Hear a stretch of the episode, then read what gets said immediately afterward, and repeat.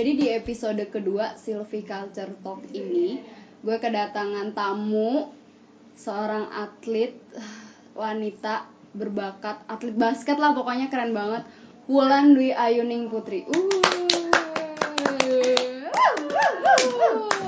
Masih sibuk latihan. Sekarang udah kerja juga, alumni Silviculture yang jelas dan akhirnya menyempatkan waktunya buat ikutan ngobrol di sini. Sekarang kesibukannya apa lan?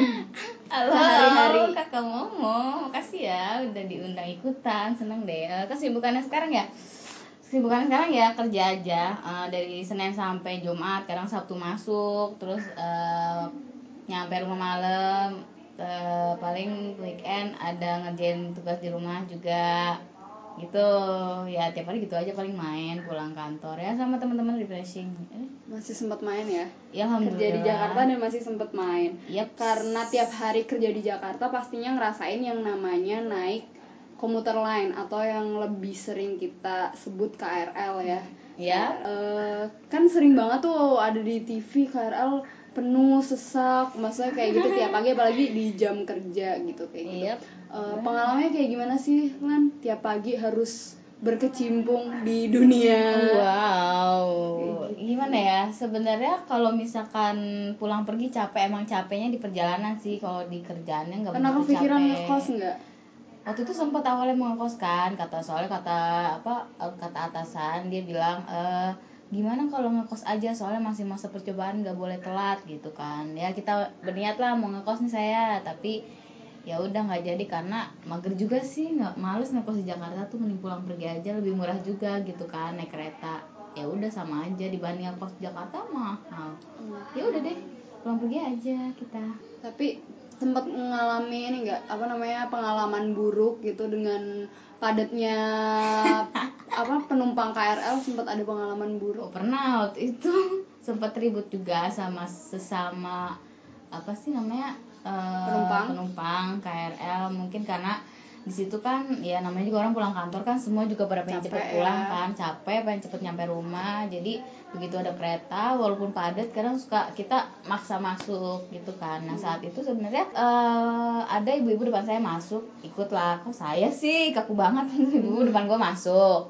Ya udah ikutan masuk. Gue tahu di dalam tuh masih kosong kan masih bisa lah si ibu tuh masuk. Cuma agak karena pergerakannya agak lambat jadi gue kayak agak maksa buat ayo bu ayo bu ayo begitu cuma ternyata Ayo, maju bu maju bu. nggak sengaja ternyata gue nggak sadar kalau gue tuh nye- nyenggol si mbak mbak sebelah. Mm-mm. ya udah mbak mbaknya lama-lama kesel juga ngeliat gue nih orang barbar amat sih mbak sakit. Ya dari situlah kita cekcok hmm, sempet kaget sih ah nih mbak mbak kenapa marah? Karena awalnya gue nggak sadar kalau gue tuh ternyata barbar gitu menurut dia. Ya habis kasihan kan yang belakang kan jadi nggak bisa masuk itu aja sih gitu. Tiap hari ngalamin yang namanya desek-desekan sama penumpang yang lain. Iya. ada masukan nggak buat pemerintah kira-kira mungkin harus nambah jumlah keretanya? Atau mungkin lapangan pekerjaannya tuh nggak cuma ter apa ya terpaku di Jakarta aja? Atau gimana? Hmm. Kalau misalkan untuk eh, masalah jumlah kereta, kalau bisa udah deh jangan ditambah lagi. Soalnya sekarang aja kereta kadang suka antrian masuk, antrian masuk. Jadi kita kayak ngehambat gitu misalkan sekarang ke, eh, mohon maaf kereta sedang dalam antrian masuk menuju stasiun mana. Itu kan tandanya kan ada kereta di stasiun selanjutnya kan. Itu kalau gua mikirnya itu penumpukan kereta mungkin keretanya entah dari awal jadwalnya udah nggak bener atau gimana pokoknya kalau untuk ditambahin lagi kayaknya jangan takutnya nanti jadi kayak macet gitu. Ya masa iya di jalanan macet di rel kereta macet kan lucu juga gitu kan ya nggak usah. Terus kalau misalkan yang masalah lapangan pekerjaan ya kalau di pusat kota di Jakarta kan ibu kota negara. Wajar sih kalau misalkan lapangan pekerjaan banyak. Jadi gimana ya kalau untuk ngatasin belum kepikiran sih. Yang penting eh, dari dirinya dari kita yang dulu gimana cara ngadepin situasi yang kayak gitu. Kalau misalkan kita bisa ngehandle emosi tetap berjuang ya buat apa namanya eh, di KRL tetap iya, ya berjuang. semangat ya hidup berjuang. anak kereta hidup anak kereta. Ya seperti itulah. Kayak gitu. Kalau boleh tahu sekarang kerja di perusahaan yang bergerak di bidang apa sih lan eh bergerak di bidang kalau judulnya sih manufaktur dan jasa lingkungan. Kebetulan ini kan perusahaan punya Korea kerjasama sama Indonesia. Cuma dia tuh si perusahaan ini awalnya tuh bergerak di bidang boy band bukan ya mungkin ada kali ya cuma sekarang udah nggak ada. Jadi dia awalnya tuh dia bergerak di bidang eh, mengelola hutan yang ada di Indonesia dan mereka pikir hutan di Indonesia itu kan banyak saat itu ya pada saat itu hutan di Indonesia banyak dan mereka mikir untuk membuka pabrik kayu lapis di Indonesia. Dan akhirnya awalnya dari situ si perusahaan ini bergerak. Cuma makin ke sini makin dia buka eh, mungkin karena eh, yang punyanya tuh kreatif. Jadi bikin industri ini eh, bagian apa kayak PT ini. Kayak dia juga punya perusahaan berarti pulp ada beberapa juga anak ada. perusahaan gitu? Dia punya anak perusahaan. Banyak sih kalau misalkan kalau dihitung-hitung sebenarnya ada banyak. Cuma karena saking banyaknya saya jadi nggak hafal juga. Dia juga Oh. punya apa ya nih kerjasama waktu itu sama Hyundai eh, tentang apa namanya eh boleh nyebut merek nggak apa-apa. Oh iya. Nggak dibayar siapa pun. Iya eh, kerjasama sama itu yang tadi Hyundai itu di bidang apa sih namanya namanya Korindo Motor gitu. Salah satunya itu dia eh, nyuplai bus buat itu Transjakarta juga ada di situ ada label Korindonya salah satunya. Terus dia juga ber- eh, dia punya industri pulp tapi dia kertasnya tuh kertasnya dari eh, kertas bekas diolah jadi kayak kertas buram gitu. Oh, nah terus ada di recycle berarti ya? recycle. Terus bagian kehutanannya juga ada HPH dia punya HTI-nya juga ada. Terus bagian kapalnya shipping juga ada. Cuma namanya apa nggak tahu nama. Terus dia bagi finance juga ada. Dia punya perusahaan apa anak perusahaan mengenai finance apa pokoknya kalau gue sih di bagian kayu lapis oh di bagian kayu Iya, lapisnya bagian kayu kalau untuk saat ini. Eh, kalau boleh tahu dulu pekerjaan yang saat ini itu didapat dari job fair atau emang link maksudnya link dari Hmm. kampus atau mungkin link dari senior kayak gitu Enggak, dapetnya dari job fair. Kebetulan waktu itu kan job fair bareng sama teman.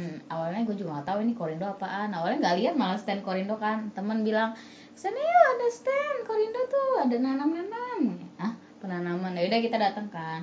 Pas kita dikasih lebarannya juga nggak ada yang berhubungan sama kehutanan. Jadi di situ eh, mereka eh, job vacancies-nya kayak cou- accounting, finance, terus translator yang kayak gitu-gitu kan. Jadi saat itu tertarik nggak karena ngelihat maksudnya kan itu di situ nggak nggak nggak kehutanan banget kan accounting Ah, lebih ke gitu finance Iya, gitu awalnya nah terus teman saya itu langsung inisiatif nanya mbak di sini eh, ada kehutanannya nggak sih mbak? Soalnya saya lihat di eh, apa sih spanduknya itu dia kan ada spanduk itu ada tentang penanaman ada pohon-pohon. Terus kata mbak HRD ya kebetulan di HRD oh iya kita lagi nyari orang kehutanan dia bilang gitu.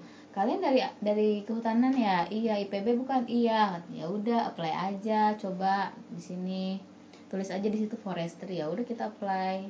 Dan katanya sih kita lima orang apply di situ Hmm, Oke. udah gitu itu job fair yang keberapa yang pernah diikuti keberapa ya tapi masih awal-awal sih jatuhnya masih awal-awal soalnya kan itu eh, udah selesai ngurus buat wisuda kan jadi udah bebas lah ya Hmm. Udah nggak ada beban awal- lagi, bulan jelas. September saya juga eh gue juga belum wisuda belum wisuda tapi Belum udah wisuda, udah mulai nyari-nyari udah mulai udah nyari-nyari. bebas nggak ada nggak boleh ada. sharing dikit nggak soal experience ikutan job fair maksudnya job kan kan eh, kita sering lihat tuh job fair tuh sampai desek-desekan juga nggak kalah tuh sama tadi penumpang KRL pernah nggak ngerasain yang kayak gitu juga? Masa udah dateng capek-capek ke job fair tapi ternyata emang nggak ada perusahaan yang Oh, pengen kayak gitu. enggak sih pertama ikut job fair kan pertama kali ikut job fair tuh kan dia nggak perlu pakai CV kan jadi pakai flash disk gitu doang. Awalnya ya gitu aja ikutan ngantri. Awalnya juga bingung aduh perusahaan mana ya? Kira-kira ada nggak ya yang kehutanan? Yang nyoba nih yang bukan kehutanan tapi bukan bukan kayak finance bang bukan kayak gitu apa ya waktu itu perusahaan Astra kalau nggak salah. Hmm. udah kalau misalkan eh, pengalamannya sih ngerasanya seneng aja ikutan job fair soalnya kan sekarang jalan-jalan kan. Tetep namanya ya jalan-jalannya tetep yang pertama. Iya namanya juga pengangguran lah istilahnya. Jadi daripada di rumah terus mending ikut job fair jalan-jalan. Kan biasanya job fair di Jakarta kan ya kita naik kereta jalan-jalan di Jakarta. Kalian kenal iya ya, kenal Jakarta. Jakarta biar nggak nyasar gimana ya. Gitu aja sih seru lah. Ada tips and trick nggak? Maksudnya sebelum ikut job fair atau pas datang ke job fair Hmm. itu apa aja yang perlu disiapkan atau apa aja yang mungkin perlu dicari dulu kayak gitu apa dicari ya tahu? tips and trick yang per- yang jelas siapin CV ya siapin CV eh, terus lihat dulu itu perusahaan apa aja yang ada yang ada di job fair itu kira-kira ada yang minat apa enggak. Kalau emang ternyata kita nggak tahu itu ada perusahaan apa aja dalamnya ya udah datang aja dulu. Yang penting sih datang aja dulu sih. Kalau emang yang namanya kalau orang niat kerja mah ada job fair ke mana pun dia pasti datang kan. Cuma kalau emang dia malas-malesan ya udah cari tahu dulu itu di fair tuh ada lowongannya di bagian apa aja gitu. Kalau kalau ternyata nggak ada yang sesuai sama minat mending nggak usah daripada capek-capek. Kalau misalkan yang males eh, buat ngantri-ngantri ya tapi kalau buat gua ya kan gua mah seneng kan jalan-jalan ya udah ikut aja ikut. Hmm. ya kayak gitulah. Terus apa lagi ya? Siap untuk siapin diri aja soalnya eh, pasti kan eh, nggak cuma kita doang yang nyari kerja pak. Kan banyak tuh yang nyari kerja. Apalagi kalau misalkan kita lihat dulu kualifikasinya. Kalau dia ada kualifikasinya dari SMA siapin badan juga. Soalnya pasti bakal rame banget. Penuh. Hmm. udah kayak naik KRL itu baru kayak naik KRL kayak naik KRL yang tadi ya. Eh, oke. apa namanya eh tadi kan sempat bilang kalau sekarang itu di bagian kayu lapis di Korindo bagian kayu, kayu lapis. Berarti posisinya sama job desk sehari-hari yang dilakuin tuh kayak gimana sih Plan? kalau ini job desk kerjaannya maksudnya? Posisinya sekarang Oh, lebih sekarang kan admin purchasing law. Kalau purchasing law itu sendiri kan maksudnya dia kalau di Korindo sendiri dia bagian pembelian kayu buat bahan baku kayu lapis kan, buat bahan baku, baku industri kayu lapis. Terus kalau saya pribadi, eh saya maaf ya gue pribadi lebih ke bagian adminnya sih. Jadi kayak mm, ngurusin apa kontrak kontrak log, terus asuransi lognya, terus eh, nunggu kabar dari pabrik. Kan biasanya pabrik suka lapor kan ke kita ini eh, stok kayu di pabrik ada segini ya. Kadang mereka ngirimin kayak laporan gitu. Kita input data kan kita kayak ada semacam Excel gitu isinya tentang Excel. Excel. Excel maksudnya ya Excel. Input data di situ ada kayak pemasukan pengeluaran pemakaian per hari kayak gitu gitu ya. Kita input aja data terus perjalanan kapal tuh udah nyampe mana terus eh, grader udah berangkat apa belum kalau misalkan kita mau beli kayu kan kita harus cek dulu kan kayunya sebelum kita beli ya udah udah udah nyampe camp apa belum? Kayak gitu. Udah gitu aja sih kalau untuk admin ya. Kecil lah ya buat seorang Wulan ya gimana ya? Enggak juga sih ya. Gitulah pokoknya. Kalau dari secara keilmuan, maksudnya yang eh, pernah didapat di kuliah, eh, ada nggak mata kuliah yang yang sampai saat ini tuh masih masih jadi pegangan gitu dengan, dengan pekerjaan saat ini? sebenarnya ada sih mata kuliah satu yang bisa jadi pegangan cuma karena dulu tuh nggak terlalu merhatiin itu mata kuliah soalnya nggak akan kepikiran ke si maksudnya gimana ya itu kan bukan mata kuliah silvikultur ya mata kuliah dari- manajemen hutan Heeh. nyambung sih kalau dari manajemen hutannya cuma kalau admin sendiri tuh nggak langsung terjun ke situ lebih ke analisisnya lewat Excel yang kita diolah gitu data ya. berartinya.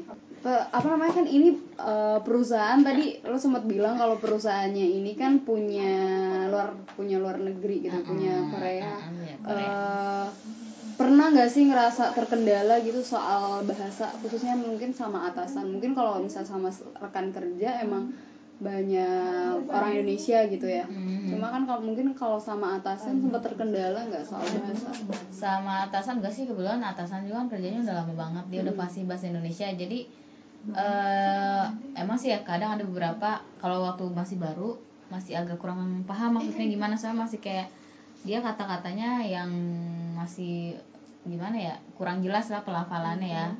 Terus eh, kayak eh, kalau kata kita bahasa bahasa Inggrisnya grammar gitu kan masih belum jelas tapi karena ke sini sini sih udah jelas si apa bos bos gue tuh ngomongnya udah udah bisa Lo dimengerti gitu udah, karena udah tau lah apa yang dia pengen. iya iya akhirnya bisa ngerti gitu maksudnya. Kalau misalkan dia ngomong kan awal-awal mah kadang masih suka nanya ke bapak yang satu lagi. Dia pengennya apa sih gitu? Maksudnya apa gitu? Kadang kan nanya tapi sekarang mah udah udah ngerti. Sebenarnya dia tuh emang udah pasti bahasa Indonesia dibanding yang lain. Eh enggak sih yang lain juga udah pasti sih sebenarnya. Cuma waktu itu ada yang langsung datang dari Korea. Nah, dia emang kurang fasih. Tapi kalau dia udah udah sekitar berapa ya? 10 sembi- kan dia sempat di Kijang itu di Kijang daerah itulah eh, Pangkal Pinang ya kalau nggak salah. Dia juga di situ udah sekitar tujuh tahun. Hmm. lebih lah pokoknya udah lama banget si Mister itu mah. Jadi bisa ya dia udah bisa bahasa Indonesia bahasa udah lancar Hmm, udah gitu. lancar udah lancar. Gue pernah iseng sih lihat postingan lu eh, kerja pakai sarung tangan gitu. Mungkin boleh ceritain nggak? Maksudnya itu ada kejadian kayak gimana sih sampai harus pakai sarung tangan? Itu ya gimana ya itu ruangan tuh dingin banget. Nggak gua nggak ngerti nggak ngerti tuh orang-orang Korea apa nggak kedinginan gitu ya. Kita tuh di orang-orang di tetangga sebelah juga eh dingin gak sih? Iya dingin banget. Eh dingin gak iya dingin banget ya dingin banget. Tapi kayak Korea tuh nyantai aja kan biasa aja. Jadi tuh saking dinginnya tuh jadi tangan dingin kan. Kalau udah dingin jadi mager buat ngetik input data mager. Aduh saking dinginnya kadang pengennya tiduran. Eh pengennya ke ruangan kan di kantor ada ruangan gitu kan. Pengen ke situ aja nggak ada pengen ke tangga. Kan ada tangga darurat kan di situ kan. Pengennya ke tangga aja soalnya tangga anget banget kan. Nongkrong di sana. Iya tapi kan kalau kayak gitu terus nanti nggak produktif ya jadinya diem. Dia mulu. Ya udah akhirnya daripada buang-buang waktu udah deh pakai sarung tangan aja deh biar seenggaknya ada yang dikerjain. Misalnya produktif dikit lah daripada gara-gara dingin gak ngapa-ngapain ya udah pakai sarung tangan. Nah lumayan lah lebih salju. lebih lumayan lah lebih hangat ini gitu deh pakai sarung tangan banget soalnya. Sampai saat ini masih masih berlanjut Iya kalau Drama udah sarung tangan kedinginan tuh itu. iya apalagi kalau di luar hujan. Biasanya kalau dingin banget tuh karena di luar hujan luar hujan makin dingin lah tuh ruangan. Begitulah. Kalau dari pekerjaan yang sekarang maksudnya dari di bagian apa kayu lapis eh, sampai saat ini tuh kesulitan apa yang paling sering ditemui gitu kerja di Korindo maksudnya? Kan bisa dibilang kan di kayu lapis itu kalau secara eh, keilmuan saya ilmu yang kita terima di silvicultur kan nggak nggak nggak nggak nggak Hmm. nggak menyentuh itu banyak gitu. Iya enggak banget. Kesulit sempat menemuin kesulitan gitu nggak Iya dari iya benar tadi emang nggak nyambung banget. Sebenarnya nggak nyambung banget sih kerja di sini tuh Eh, karena silvicultur kan lebih ke budidaya Budidaya. kan. Ini kan hasil hutan memanfaatkan hasil hutan. Jadi pas kesulitannya tuh ya pas di awal-awal aja. Soalnya kerjanya tuh langsung kan learning by doing lah istilah bahasanya. Sedangkan pas gue baru kerja gue tuh nggak ngerti apa apa gue nggak ngerti sama sekali. Kayak misalkan kayak eh waktu waktu waktu interview pertama kan dites gitu kan kayak ada tes gitu Eh, ada pertanyaan IPK singkatan dari IPK SPLK terus eh, singkatan bahasanya kehutanan banget lah. Itu kan biasanya kan manajemen hutan mungkin anak manajemen hutan tahu. Cuma karena gua iya. silvicultur gua nggak sampai ke situnya atau SKSKB waktu itu ditanyain. Gua mana tuh SKSKB apaan? Mana PKL kan nggak di nggak di HPH juga kan. PKL kan ya di bagian pembibitan juga tuh kan PKL jadi pas awal-awalnya tuh nggak ngerti kayak input data ini data yang di Excel itu kan ada banyak tuh data ini apa ini apa ini apa untung ada kakak kelas gitu. Jadi dia ngajarin ini tuh begini ini tuh artinya ini ini tuh begini begini begini begini. Dan kita belajar kontrak kalau belajar kontrak kan kita kalau bikin kontrak tuh nggak langsung kontrak bahasa Indonesia kan kita pengajuan dulu ke presiden dan itu ada template-nya sih. Jadi kita tinggal ganti-ganti angka doang. Hmm. tapi di situ juga ada perhitungan yang harus kita ngerti harus kita paham kenapa itu segitu kenapa kenapa, angka yang begini, keluar kenapa segitu kenapa persentasenya segini. Jadi dari di situ yang sempat agak kesulitan. Di awal-awal aja sih kesulitan karena masih adaptasi kali ya. Terus sampai beberapa bulan juga masih kayak ngerasa kan kayak ada kita kan ada dua pabrik kan. Gue megang satu pabrik maksudnya megang in outnya gitu. Cuma karena gimana ya masih belum paham banget jadi kayak santai-santai aja sama kerjaannya. Tapi ternyata eh, itu kerjaan tuh kayak sebenarnya analisis kan analisis kayu tuh dari beli sampai ada di pabrik itu kayak perjalanannya kayak gimana terus eh, apa namanya kalau misalkan sesuai bagus kan kadang suka ada hambatan juga kayak misalkan gelombangnya lagi tinggi gelombang, laut lagi tinggi gitu kan jadi nggak bisa jalan untuk kapal atau ternyata eh, stok kayu nggak ada di camp. Terus kalau kita eh, stoknya tinggal dikit gimana nih? Berarti kan nggak bisa jalan. Nah, pokoknya tentang analisis gitu sih yang bingungnya. Terus waktu itu sempat sih kejadian eh, apa sih namanya stoknya itu ternyata meleset perkiraannya. Dari situ baru ah serius nih? Ya udahlah ya udah akhirnya untungnya bosnya kan baik kan. Jadi ya udah nggak apa-apa. Akhirnya ada solusinya sih. Pokoknya intinya kesulitannya cuma nganalisis itu aja sih perjalanan si kayunya yang kayak awalnya tuh ngira dikasih taunya ah cuma gitu doang cuma gitu doang. Jadi ke bawah cuma gitu doang eh salah ternyata ada sempet salah perkiraan. Ya udah situ aja sih. Sekarang sekarang mah alhamdulillah gak ada. Nah, gitu. ya gitu gitu. Kan kalau buat anak kehutanan itu biasanya deket sama yang namanya pekerjaan di lapangan gitu. Mm. Eh, kalau di episode pertama itu gue sempat eh, gue sempat ngobrol sama Intan gitu kan karena dia memang waktu itu kerja langsung di lapang. Hmm. pernah kepikiran nggak buat kerja di lapang juga? Maksudnya di bidang kehutanan tapi langsung terjun ke lapangan? Pengennya sih sebenarnya kayak gitu lebih ke lapang. Soalnya kan kalau misalnya kita di ruangan terus sebenarnya kita nggak tahu kan di lapang tuh apa. Kayak misalnya nih gue kerja di pusat tapi gue pengen tahu kan eh, di lapangan itu kayak gimana? Kayak di pabrik atau di camp di tempat kayu kita beli pengen sih ngelihat kondisinya gimana biar nggak cuma ngira-ngira doang. Sebenarnya kendala sampai sekarang tuh kayak nggak kebayang gitu loh camp ini tuh gimana sih bentuknya camp ini tuh gimana sih bentuknya tapi lo HPH berarti belum pernah ya datang ke Belum. sana itu belum pernah? Kalau ke pabrik sempat pernah atau itu juga satu pabrik doang kan. Terus kalau ke HPH yang kita beli kayunya atau IPK kan kita bisa nyebutnya camp ya. Kalau ke camp-camp gitu kita nggak pernah. Dan emang bos juga mungkin mikirnya jangan deh cewek jangan ke sana. Jadi kita tuh yang cewek. Kan kebetulan eh, ada juga satu divisi kan cewek. Jadi kita emang belum pernah tuh namanya ke camp-camp. Soalnya mikirnya cewek pasti nggak bakalan kuat ke sana. Gitu. Soalnya di sana tuh panas banget. Di sana tuh perjalanan capek banget. Oh iya ya udah. Ya udahlah kita paling jaga kandang. Kalau misalkan mereka pada ke camp di ruangan terus. Berarti emang belum pernah ngelihat langsung Belum. apa yang selama ini sebenarnya lo analisis tapi ternyata belum lihat barangnya gitu. Belum jadi cuma cuma dengar dari eh, bapak-bapaknya aja yang yang yang satu kan eh dua orang grader yang satu emang yang dia ngurusin bagian kapal dan dia sering dapat info dari eh, dari apa sih namanya dari pabrik yang lebih lengkap lagi kan. Kayu de- sama dari camp juga dia suka dapat info jadi nanya ke mereka aja masukin input data terus kita analisis sendiri oh ya udah gitu. Jangan sampai meleset terus laporan deh ke bos. Mungkin pertanyaan terakhir. Pertanyaan terakhir apa sih pesan lo buat adik-adik SMA yang mungkin masih galau milih jurusan? Dulu lo pertama kali milih sil silviculture tuh pilihan Tuhan pilihan lo atau pilihan pilihan siapa? Allah subhanahu wa ta'ala gue sama sekali gak milih silvicultur gue gak milih kehutanan. Apa ini kehutanan? Gak jelas gitu kan awalnya. Tahunya silvicultur lagi dapetnya tapi sempet nyesel nggak pas ih kehutanan gitu? Sempet Start pertama kali sempet kecewa lah ya. IPB kenapa sih milihin gue silvicultur gue kan gak mau kehutanan gitu kan. Tapi kebetulan dapat beasiswa ya mau nggak mau kan sayang juga kan kalau nggak diambil. Ya udah ya dijalanin aja. Dan ternyata ya seru juga. Seru lah. Seru banget lah. Seru lah gitu lah pokoknya. Seru banget. Gitu. Coba buat Coba. adik-adik SMA yang masih galau milih jurusan silviculture nggak ya? Silviculture atau mungkin kehutanan nggak ya? Kehutanan.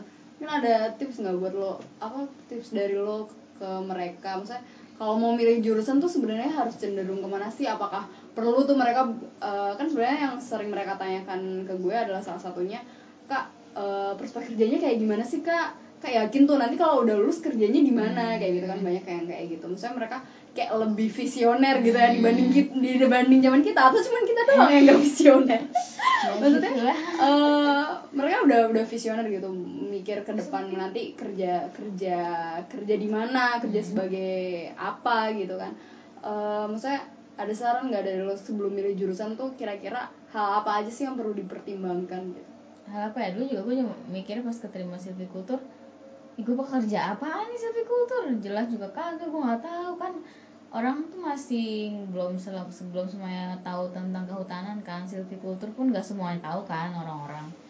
Tipsnya jadi ya gitu pas awalnya juga kaget terus ya udahlah akhirnya kan dijalanin juga. No, kalau untuk tips buat adik-adik yang mau masuk kuliah itu pertama ya pikir dulu mau jadi apa nantinya. Kalau misalkan lihat kondisi dulu kira-kira kondisi sekitar ngedukung apa enggak?